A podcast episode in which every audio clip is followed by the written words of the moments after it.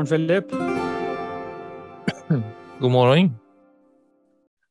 Jeg har eh, sendt deg et bilde som jeg tenkte vi kunne ta utgangspunkt i i dag. Jeg fikk sett på det. Noen minutter, Det, i alle fall. det bildet er eh, fra begynnelsen av 1900-tallet. Ja, det var jo ikke langt ifrån da kameraen ble oppfant, nesten. Nei, faktisk. Det er eh, Det var en amerikansk fotograf som heter, eller het, eh, Edward Curtis, som eh, Altså som reiste rundt og tok bilder da av amerikanske indianere. Mm. Uh, han tok faktisk uh, altså mer enn 40 000 bilder. Fra 80 forskjellige stammer, så jeg regner med du vet kanskje mer om eh, kamerautstyr og hva det faktisk vil si å ta ett bilde på den tida, men altså det må ha vært eh, Ja, det var en livstid, det, tror jeg. Eller en karriere, i alle fall. Altså 40 000 også altså analoge bilder. I dag er det jo lett å pepre i vei med digitale filer. Ja, ja, nei, altså i dag kan man ta 40 000 bilder på en dag, men eh, Ja, men det, det er eh, ganske ivrig, eller ganske stor investering, for å si det mildt. Det er, det er utrolig. altså Hvis du går inn på altså Edward Curtis, så er det På nettet så vil du se det er utfattelig mye flotte bilder. Men uh, det er ikke det som egentlig er uh, Altså Vi er på en måte i vår I vår podcast som ikke handler om foto. det å være Det å stå som en kriger i eksistensen. Og det er det dette bildet i stor grad symboliserer. Altså dette er Jeg kan jo prøve å beskrive det for lytterne. Vi skal altså legge ut dette bildet på Facebook-siden vår for de som har lyst til å se det. Men det er en, en ung mann, altså en ung indianer, som eh, Han er vel på altså toppen av en åskam eller noe sånt, hvor, eh, hvor han da ser ut eh, på horisonten.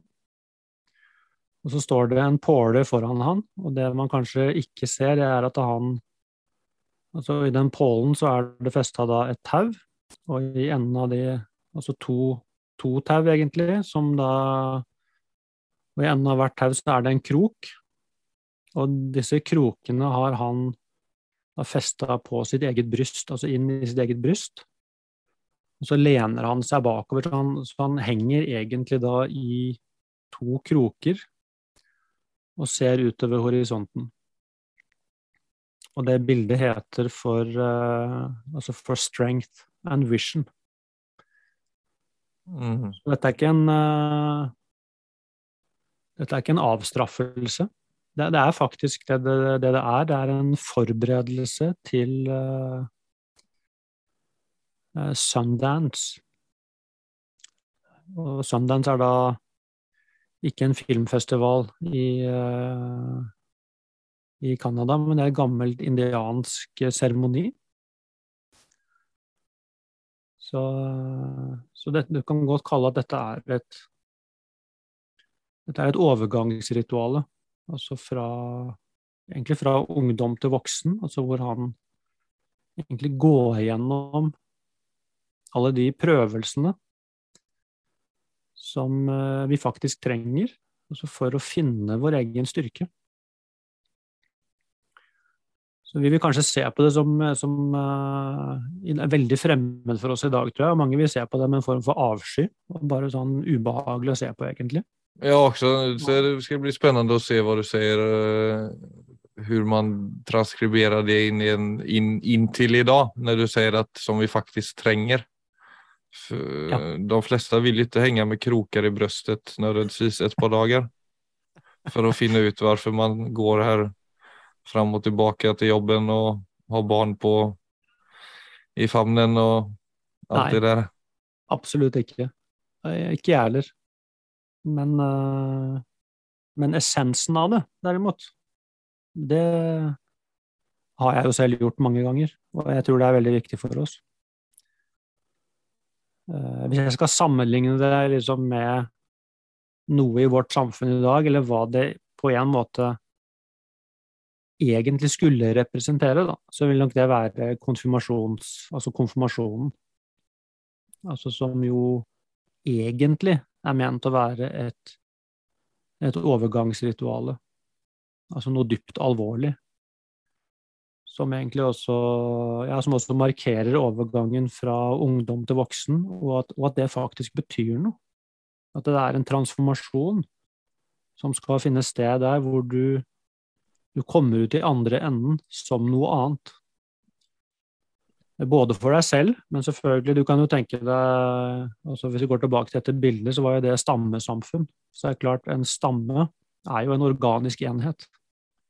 Hvor alle ja. medlemmene av stammen er dypt verdifulle for stammens overlevelse. Mm. Det er nok også noe av krisen Eller krisen, altså noe som gjør det vanskelig i dag. Altså vi, vi har blitt så utrolig mange. Så, så det er ikke bruk for det er ikke bruk for alle på samme måten. Så du kan tenke deg det at det virkelig er bruk for deg, det er jo veldig godt for oss. Altså jeg får umiddelbar bekreftelse på at eh, min eksistens er viktig for uh, helhetens eksistens. Og det er klart, det gir meg jo Det gir jo selvfølgelig enorm energi til å til å finne plassen min på en ordentlig måte. Så når ikke jeg får, Og vi får jo ikke den speilingen i dag. I hvert fall ikke de fleste av oss med mindre vi kommer i posisjoner hvor det skjer. Men som samfunn så er det jo blitt mye større og mye mer uoversiktlig. Men det er jo mm. egentlig det dette representerer. altså sånn eh, Han vet noe om seg selv når dette er ferdig, som ikke han visste før, altså om sin egen styrke. Og stammen vet også noe om hans styrke når han kommer tilbake, nettopp fordi han Altså, han gikk igjennom. Han pakka ikke sammen etter 30 minutter og sa nei, dette orker jeg ikke.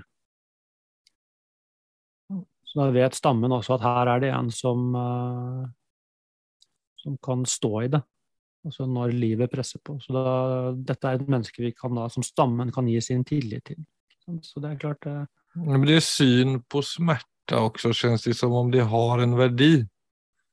Jeg føler at her at vi det er så ofte man styr bort fra smerte, for at man så fort tenker at det är förknippat med obehag, ikke sant? Og at det er noe ja. man helst ikke ønsker.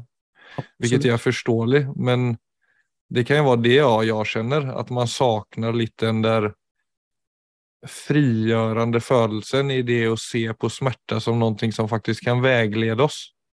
Som jeg vet var noe som gav min egen liksom At jeg begynte jo lida da, om jeg skal si, som, eller den tiden jag hade det som värst var när jag gick från videregående och in i vuxenlivet. Ja. Då skedde det massa ting för min del. Och då var ju smärta bara otroligt förvirrande. Och jag hade ju inga begrepp runt det och ingen liksom som hade någonsin i mitt liv snackat om smärta på en mm. måte som gav mening eller som kunne gi meg en, eh, en innriktning. Absolutt. Nei, jeg tror det er jo i stor grad blitt borte for oss. for jeg tror altså, altså Alle disse overgangsfasene er jo ofte forbundet med ganske mye smerte. Og altså, I dag så er jo den smerten ofte ikke fysisk.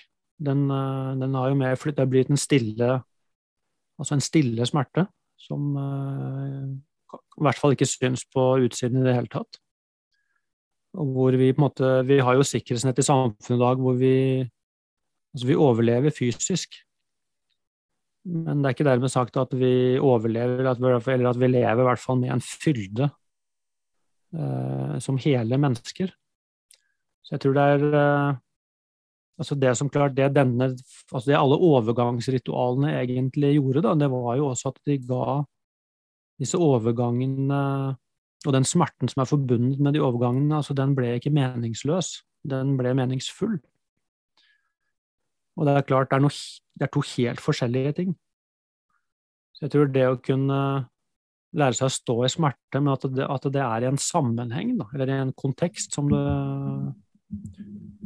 som er forståelig for meg, det, klart, mm. det gjør det til noe, til noe helt annet. Mens det å bare kjenne at Altså, altså, jeg finner ikke plassen min i livet, og jeg vet ikke hvorfor jeg er her. jeg vet ikke egentlig, Er det egentlig bruk for meg? Så den type smerte, det er klart, den har jo ikke den kan selvfølgelig også i det lange løp tvinge oss til å bevege oss på altså Den kan faktisk også være utdannende, men det men jeg vil si, hvis vi hadde hatt disse institusjonene i samfunnet i dag, så ville det nok spart det ville spart oss for veldig mye av den altså langvarige, meningsløse, stille smerten. Og i tillegg da, så, så døyver jo den vi, vi, har jo så mange sånne Vi har så mange måter å døyve smerte på. Som selvfølgelig også er veldig forståelig, men i verste fall så fører det bare til at man blir bare stående, ja, i verste fall, i lang, lang, lang tid på stedet hvil. Og klart, Det å døyve smerte i seg selv er jo veldig smertefullt, for man blir stående stille. Ja, så blir det fort at man flykter. Man har det liksom ikke Man er ikke helt fornøyd med livet, og så blir det å flykte normaliteten i stedet for å ta grep. Ja, og så blir det selvfølgelig da den At alt dette også er inn Altså Akkurat som det er uh, innhyllet, altså i en meningstomhet. Så Ja, men Det er jo verken ritualer vi holder på med, og konfirmasjon har jo tappet all sin verdi på en måte. Det er jo også Kristendommen har ikke lenger så mye verken makt eller fortroende i mange vestlige deler, så det er jo liksom hvor det, det, du försöker, eller så som jeg uppfattar det, det du egentlig forsøker liksom ta fram her då via eh, ja, så som den bilden også forsøker peke på, altså visjon og styrke. Ja. Altså Ja, det er det. Hvordan kommer man dit, da? Nei, altså det er du, Jeg tror nok det er veldig Det er jo også mange i vårt samfunn som via For dette ligger jo i oss. Så det er klart det er mange som vil kjenne enn det at de har eh, ja, tatt valg, eller altså at livet har presset dem inn, måte, inn i situasjoner hvor de har måttet hente fram det dypeste, dypeste, i seg, og så har de på en måte altså transcendert av det stedet man var i, til, til noe høyere. Så, så, det skjer jo hele tiden i dag òg, men det er blitt mye mer tilfeldig. Uh, hvis du ser på konfirmasjonen, som på en måte kanskje Jeg vet ikke hvordan Det er vel fortsatt sånn at de fleste ungdommer kanskje velger enten en kristelig eller en borgerlig konfirmasjon, men det er klart det er jo blitt et mye sånn Det er ikke blitt et overgangsritual hvor man altså hvor man blir tvunget til å møte eksistensen, som det vel en gang var. Og så er det dypt alvor egentlig i, i det valget, hvor man også må ta altså dype refleksjoner rundt Altså hva det vil si å være menneske, og plassen min i eksistensen. Sånn at uh, Altså jeg, jo, jeg konfirmerte meg jo selv når jeg var 15 eh, eller 16, og det var jo kun motivert av penger. Mm, jeg gjorde det ikke. Så, og det tror jeg vel mange vil kjenne i da. Så den, jeg vil si for min egen del, da, altså som et moderne menneske, så, så vil jeg jo si at uh, det første i mitt liv som, som jeg vil si kunne som hadde samme effekten som denne indianeren som henger der. Det var min første altså vipassana-retreat, eller meditasjonsretreat, for jeg var ti dager i stillhet og ble, altså ble tvunget til å se på meg selv. Altså alle, all komfort, all, all flukt ble tatt bort. Mm. Og og det var jo både fysisk og psykisk vondt, men altså var, blir, jeg tror det er noe av det samme. Du blir presset egentlig bare Du blir presset inn i noe som Og når ikke du får flykta, så, du, så vokser det og vokser, vokser, plutselig så sprekker det. Og i det så dukker det opp noe nytt. Ja, for det er veldig det sånn det å ikke fly fra ubehag, det er liksom Det er jo det som ja. er hele greien, føler jeg. Jo da, men også på ikke sant, altså Det var det er klart Indianerne hadde sin visdomstradisjon, så det er klart det var ikke tilfeldig hva de, hva de ble satt til å gjøre for å egentlig for å sprenge den der lille boblen. og egentlig, så, Det sprenger jo egentlig også et selvbilde som er blitt for lite. Og plutselig så åpner det opp hele horisonten, sånn at du Det du kaller meg, det er noe annet i etterkant. Og det samme denne vipassana-retreaten, det er jo noe som da tilhører buddhismens visdomstradisjon, som også da er så hele oppskriften den er så godt ivaretatt. Altså, de vet nøyaktig hvilke knapper de skal trykke på for at uh, uh, altså dette kulminerer på en veldig elegant måte. Da. Ja, men det er det jeg mener. Det er der obehag og smerte holder din selvbild på plass hele tiden. Altså, ja. det er sånn, Alle vet jo det at forandring innebærer oppofring. Ja. Altså forandring som faktisk betyr noe, som gjør ditt liv til det bedre. Da må ja. du gjennom en vegg eller en mur, i verste fall. Ja. Og som kan jo lede til noe enda bedre. Men det er jo det, når du møter forandring eller smerte eller ubehag, som du vil mm. gjøre når du skal ta viktige valg, så er det jo enten å gå igjennom, eller så blir du liksom puttet tilbake inn i den ja. lille selvbilden som du går rundt i. Absolutt. Og så i verste fall så blir den lille selvbilden hele ditt liv, hvis du aldri helt klarer av å, eller tør eller har et perspektiv på smerte og ubehag som gjør at du våger gå igjennom neste dør. da. Ja. Det er jeg helt enig Philip. Det er uh og det, kri, altså det som er den største krisen med å, med å gi seg, da, når man står midt i, eller i hvert fall før man begynner, det er jo nettopp selvbildet mitt. Så, så, det er veldig viktig å huske at dette Altså igjen, da, dette, for dette kan høres, så, kan høres litt sånn masochistisk ut, men, men uh, det å henge liksom i kroker og sånne ting, eller også de altså ti dager i stillhet, ikke snakke, ikke det er sånn ja, altså, det, det, bare... ja, det er jo når du sier det på den måten, måten der, så er det jo litt sånn halvkomiske liksom, bilder ja, du måler opp. ja, det, det, det, er det. Og, og det. Og særlig når det er blitt så Men altså, dette handler jo ikke om å være tøff. Det handler egentlig ikke om å Altså, det handler, det handler på en måte om å føde seg selv. Og det er noe med å se hva eh, Altså hva som trengs, egentlig. Og det er, altså Igjen så er vi jo tilbake til dette med altså hva et menneske er, og hva et godt menneskeliv er. Altså det, man kommer ikke utenom den altså Hva er vi egentlig? Men det er klart, hvis jeg aldri Altså alle utfordringer som kommer min vei Hvis, mm. altså hvis jeg da Hvis jeg gjør som Peer Gynt, da Altså Hver gang jeg blir utfordret, så stikker jeg av.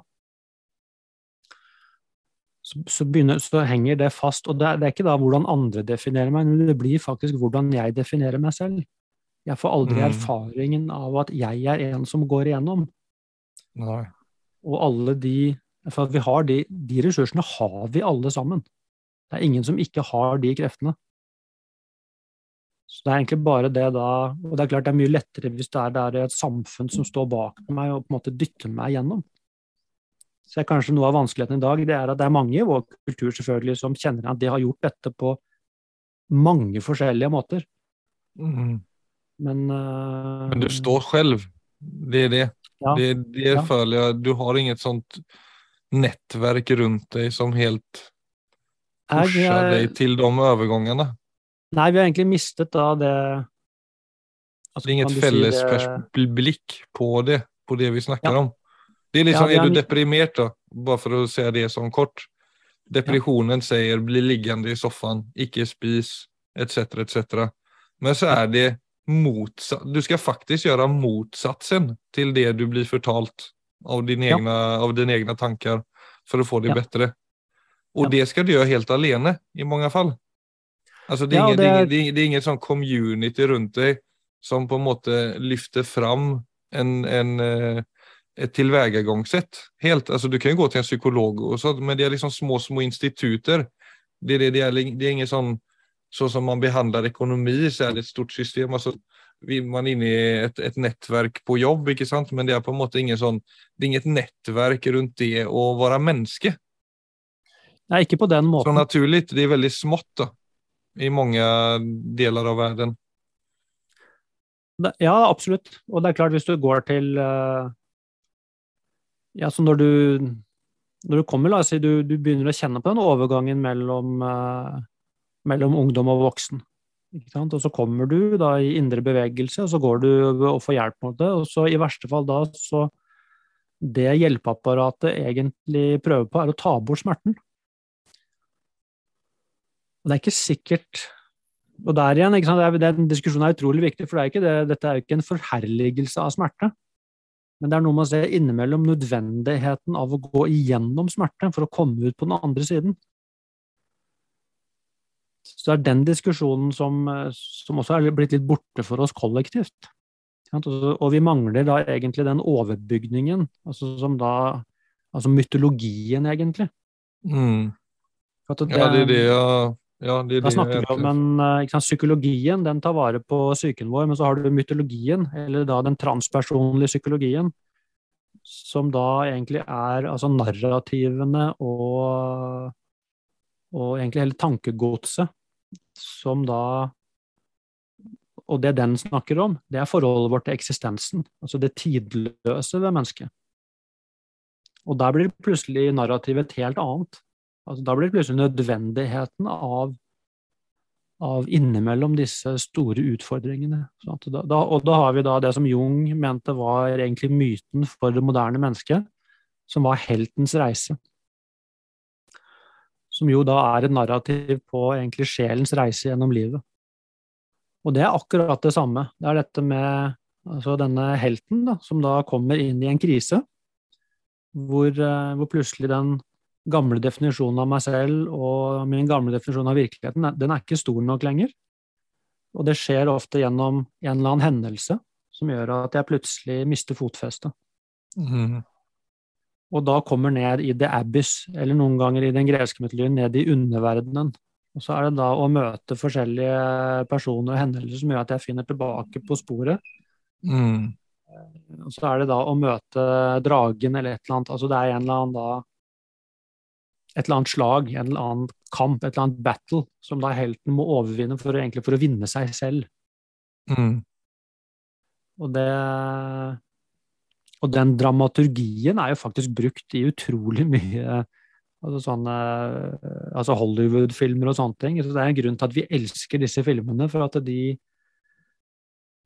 det er altså denne krisen, og så er det helten som står opp og ja. egentlig da gjør det umulig og, og, og, vinner til slutt. Da. Men hvis du ser på det som en indre reise, og at det faktisk er historien om oss alle, så er det igjen noe med å se dette når disse tingene skjer. Det å reise seg opp og, og si at dette Denne kampen tar jeg, eller den kampen må jeg faktisk ta. For at dette dette handler om, eh, om, meg og livet mitt. Og da, ikke, og da, er det ikke rom for sånne ting å si det skulle ikke vært sånn, dette er urettferdig, altså kan ikke noen bare ta bort denne smerten? Altså det er, så, så, så er det klart, så lenge vi har dette narrativet om at altså, skulle ikke gjort vondt mm. altså, Akkurat som om livet er en oppadgående kurve egentlig fra barn til man dør. Det, alle de ideene er egentlig livsfarlige for oss. Altså, som min egen lærer sa til meg, altså, som jeg er ufatt, altså, sånn, ufattelig glad for, og som, som jeg kjenner er, det er noe oppløftende med det. Altså, altså, nå har du kommet til det stedet som gjør vondt. Det å være menneske gjør vondt. Så ikke forvent noe annet. Du må forvente at uh, denne reisen mm. den, Og det tar ikke bort at dette er en fantastisk reise, men innimellom så gjør det vondt. Så hvis du hele tiden går rundt som menneske og leiter etter det stedet som er trygt, og, mm. og her er jeg trygg, her er jeg nå blitt immun mot smerte, så vil jeg si at du, først så holder du på med noe som er umulig, og du er nødt til å bli skuffet. In the end. Mens det å si 'jeg har det som trengs for å stå i livet', så jeg er en kriger. Altså jeg, så, så jeg, jeg, er utstyrt med alt dette. Om det gjør mm. vondt eller ikke, jeg kan ikke la det Innimellom gjør det vondt, andre ganger gjør det ikke vondt, men altså jeg, jeg er meg. Jeg har et liv å leve. Så er det, det er en helt annen innstilling mm. til hva, hva, en livsreise er for noe. Og der finner jeg plutselig kraften min.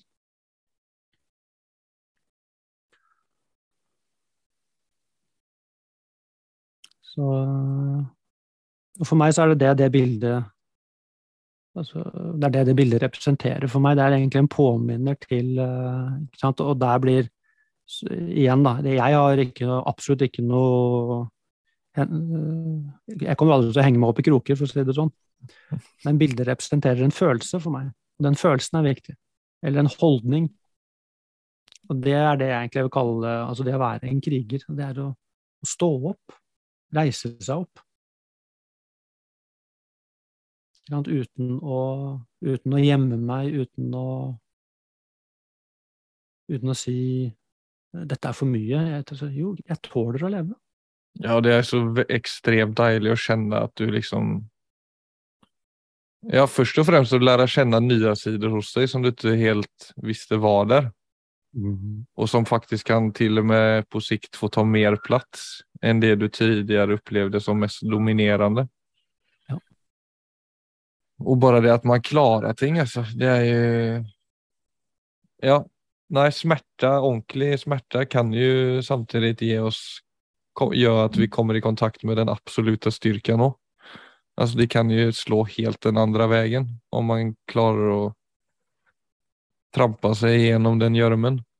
Ja, altså det er jo to Enten blir man altså da defeated, eller så reiser man seg opp. Så det er, det er bare de to mulighetene. Hvis du husker når vi snakker om eksponeringstrening, så er det egentlig det, det, er det samme prinsippet. Det er dette når angsten har da tatt over og egentlig bare lammer lamme meg. Mm. Så det eksponeringstreningen gjør, den, den Det er ikke det å tvinge seg til å gjøre det man er redd for, det er ikke det det handler om. Det er å se det er jeg som til syvende og sist velger. Så nå velger jeg å gjøre det selv om det er ubehagelig. Og når det først er gjort, så, så det, er, det, er, det, er, derfor det transformerer. For at da, det eksponering gjør, at jeg går igjennom. Det er ikke smerten som velger for meg, det er jeg som velger. Mm. Og uansett om det gjør vondt eller ikke, så er det noe som styrker Altså det styrker noe inni meg. Det styrker egentlig da egentlig selvet mitt, vil jeg si. Mm. Og på grunnlag av det, så akkurat som jeg vokser innvendig, og, kan ta, og til slutt så tar man liksom alt og sier nå kan angsten bare komme, men, men, jeg har et liv å leve. Så Det blir jo det samme prinsippet. Så, mm. så på en måte kan du da si eh, Det eksponeringen gjør, egentlig, er noe av det samme. altså den, den eh, så i beste fall da, så ble jo angsten det som forløste deg. I verste ja, fall så ble det det som Nei, det er ikke det. Ikke sant? Eller ikke rart, ikke rart, men det er det som er så interessant. Altså sånn som for, för, min egen del, då jeg levde et eh, helt fint liv til jeg var 18-19 år, som gikk litt sånn opp og ned, men ganske, ganska jämnt ändå. Og så hadde jeg en del i bagaget som jeg kanskje ikke som jag hadde förtryckt då.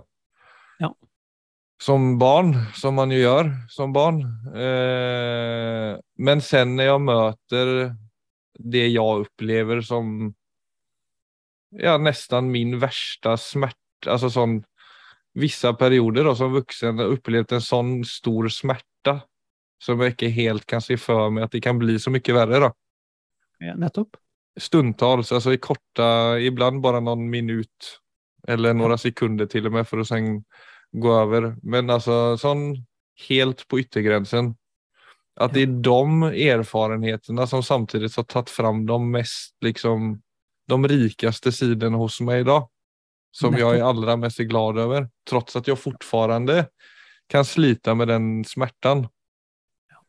Så er det Ja, som du sier, du, det er jo Det er jo litt som å fødes på nytt. Ja, det blir det. vet du. Og, da, og det er klart, den, jeg tror alle egentlig, altså den smerten du beskriver der, det er en form for smerte som du altså Når den dukker opp, så, så det, det, første vi stor, vanligvis tenker om det, er at dette er det ikke mulig å gjøre noe med. Altså det er, det er en, man blir på en måte sånn Man blir helt parkert. Mm. Og, og, vi har, jeg tror, hvis du, jeg snakker jo med folk, og jeg tror de fleste, altså den type smerte, så, så tenker de fleste det er ingen som har det Da kan man se på andre Jeg skulle ønske jeg hadde den smerten isteden, for den kunne jeg håndtert, men dette kan jeg ikke håndtere. Mm. Ja. Alle føler seg ofte i sin smerte føler seg spesielt valgt ut til at dette var spesielt umulig å håndtere. Veldig interessant, det òg. Jeg hadde også sånn. Ja, men det er ikke så du ser på folk. Du ser jo ikke den smerten hos andre. Det er litt det òg. Det er akkurat det. Men så allikevel så, så har du oppdaget at jeg kan til og med stå i dette. Og det visste du ikke før. Nei. Og det er sånn det brenner Jeg vet ikke. Det er rart. Min smerte var sånn Det føltes som om det brann i, hele, i hele meg når det sto på som mest. Ja, men det tror jeg faktisk det er mange som vil kjenne igjen. Og det tror jeg er og Det er liksom aske etter hvert, og så skal det opp noe annet. Yes. Og det er jo en grunn til at de bildene også er i mytologien. Altså fugl føniks, for eksempel, er denne fuglen som sant, som, altså, som kommer fra asken. Det brenner opp, og ut av det som er helt utbrent, så dukker fugl føniks opp. Som da er det, altså det autentiske selve. Da må det som da Det gamle må brenne ut for at det nye skal kunne fødes. Og hvis vi hadde visst, alle sammen, at sånn er det å være menneske, så det kan du bare forvente fra første stund. Sånn er denne reisen. Mm. Men da skjer det underlig at uh, For jeg tror personlig det er så stor forskjell altså på altså en smerte som er oppleves som meningsløs, den er vanskelig å bære. Mens en smerte som er Eh, som man finner mening i. For man skjønner, man skjønner, at sånn er dette narrativet. Da er det mye lettere å finne kreftene sine. For da tar jeg med meg en form for altså stolthet og verdighet med på den reisen. Så vet I gamle dager i Norge så hadde vi noe som het utesitte. Det var også noe lignende. Jeg tror du skulle si um, skamvrån. Vet du hva det, det, er på norsk? Nei. Skamvrån. Det var, det var dit du sendte barna når de hadde vært ulydige i skolen. Ja, ikke sant. Altså inn, Hva heter det på norsk? Altså inn i Skamme, Skammekroken. Skammekroken, ja. ja. Det var ikke like pedagogisk. Nei, jeg vil utesitte er det, det motsatte. Ja. Og vet du hva det Altså, det ligger jo i ordet, men, men vet du hva det Vet du hva det var for noe? Mm, nei. Man gikk rett og slett ut i naturen, og inntil man liksom fant stedet sitt, og så satt, da satt man seg bare ned. Uh, altså uten noe, uten noe ly, uten noe du bare satt ned i naturen, og der satt du til du fikk en visjon. Og det kunne jo, ofte, det kunne jo, kunne jo ta noen dager. Jeg tenkte jeg bare en venn av meg som eh, bodde, bodde, på Orm... Nei, hva heter det? De her småøyene ute i Oslofjorden. Eh, vad är det den? Ja, en av dem i alle fall. G Gressholmen, kanskje det var. Nei, det var ikke den, men det var den ved siden av Gressholmen. Men der satt han, han bodde der en, en eh, höst. Og så satt han ute og mediterade i skogen mye. Han bare satt der. Og der, etter at han hadde suttit, og han kunde, der kunne han sitte i flere timer. Og så en gang han öppnade øynene, så satt det en räv två meter framfor honom. Nesten i sånn meditationsstilling og bare tittet på honom. Og det, ja, det bare ga meg en sånn eh, Det var bare et fint bilde av det du sa. At jeg satt og ventet på en visjon. Ja. er nydelig. Det gjorde nok inntrykk på han, tenker jeg. Ja, jeg tror han ble helt eh, Han ble ganske betatt, men han ble liksom sittende. Ja. Nei, men det, det, er klart, altså vi Altså, vi inneholder så mye, ikke sant, vi mennesker, som uh, Og alt det vi inneholder, det får ikke kommet ut når de rammene vi lever under, blir uh, så små. Og i hvert fall så tror vi, så tror vi det at uh, så små er vi. Mm. Mens det å utvide rammene, så finner vi også da disse andre rommene i oss som alltid er der, og som egentlig på en måte bare venter på å bli uh, oppdaget. Så ja. Mm. Nei, det er eh, Det er noe med det at man og som kanskje også kan være vanskelig i det der, at man, man vet på en måte ikke helt hva som finnes innan man har møtt det. Det vel väl det som også gjør at den reisen er litt sånn komplisert. For at Ja, det er ja, når du er altså vi har jo, ja, vi er jo alle hva skal man si, til en viss grad fast i vår egen selvbilde, eller i vårt eget narrativ om livet. Ja. Og det er jo veldig svårt vil jeg tro for mange å tenke at det er noe mer i meg enn det jeg redan er, når man er voksen. Absolutt. Jeg tror det, jeg tror det er øh, Altså, én ting er liksom Det er jo vanskelig nok å, å være menneske, men altså når vi i tillegg Når ikke vi får noe egentlig hjelp fra den stammen vi er en del av altså for, for det er virkelig, Jeg opplever det som virkelig en, det er egentlig en krise. altså vi, Jeg vil si at vi er egentlig kollektivt i en meningskrise, nettopp fordi vi har kutta båndene til de store fortellingene. Så livene våre blir for endimensjonale. Altså hvis vi bare skal gå rundt egentlig og være produsenter. Altså vi, mister, vi mister rett og slett kontakten med, med vårt indre liv. Og vår, eh, altså vår kontakt til den øvrige eksistensen. Da, så, det- å kunne få det å kunne få disse fortellingene tilbake, så jeg kan se at jeg er også en del av den store fortellingen. Så det hjelper godt, altså. Da er det Da kan jeg også møte disse overgangene på, på en helt annen måte. Altså, da, da kan jeg faktisk begynne å se frem til dem. For jeg vet at der ligger i den Disse utfordringene er nødvendig for at jeg skal Altså, jeg skal også som alt jeg jeg skal bli refined som meg selv.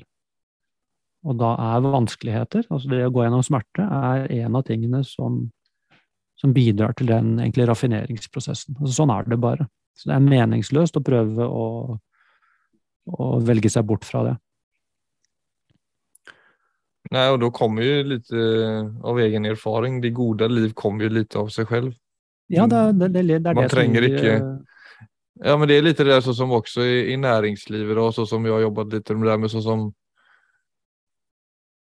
eller hva skal man si både liksom kollegor men også chefer eller som har litt sånn ansvarsroller. at det er så fort at man går in utenfor seg selv.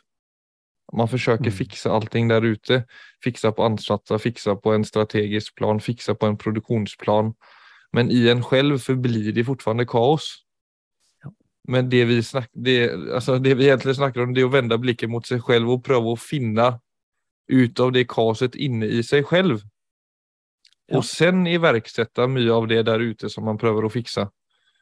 Det, det, Ja, da- det, det den, det den två, tvådeltheten som ikke helt er der ofte.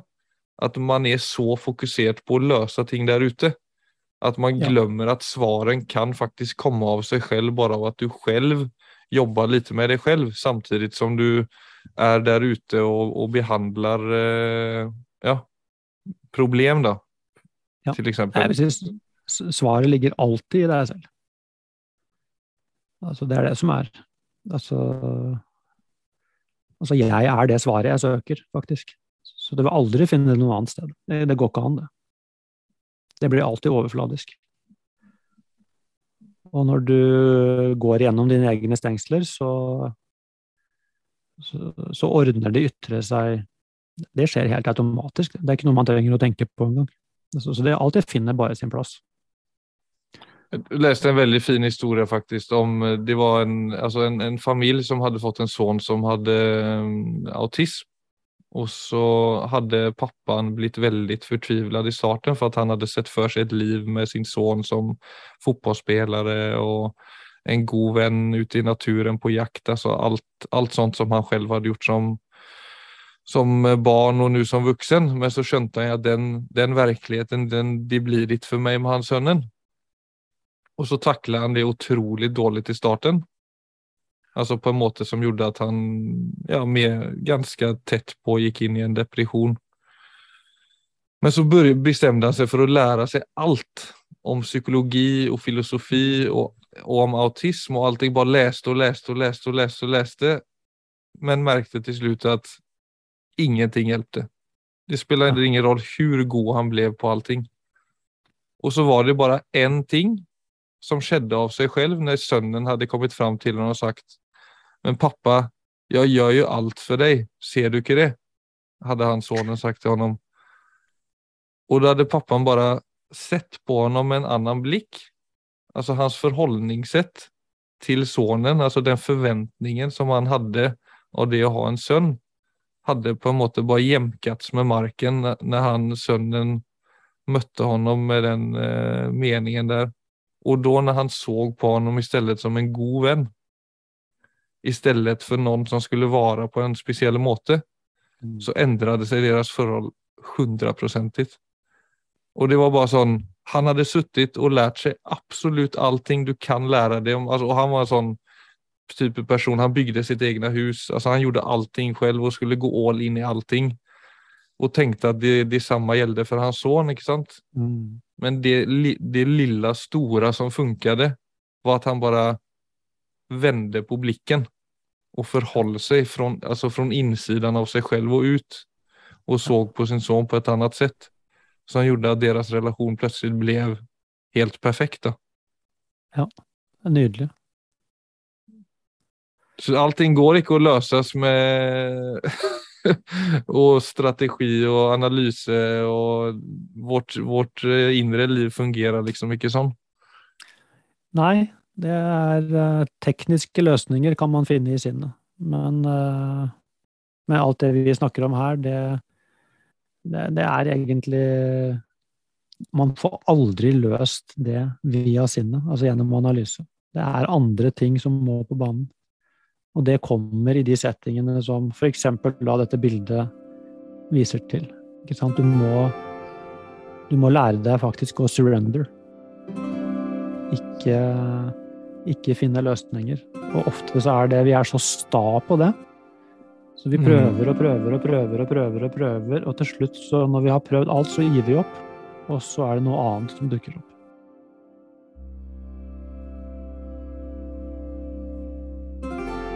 Mm. Ja, det var del to av Indre kriger.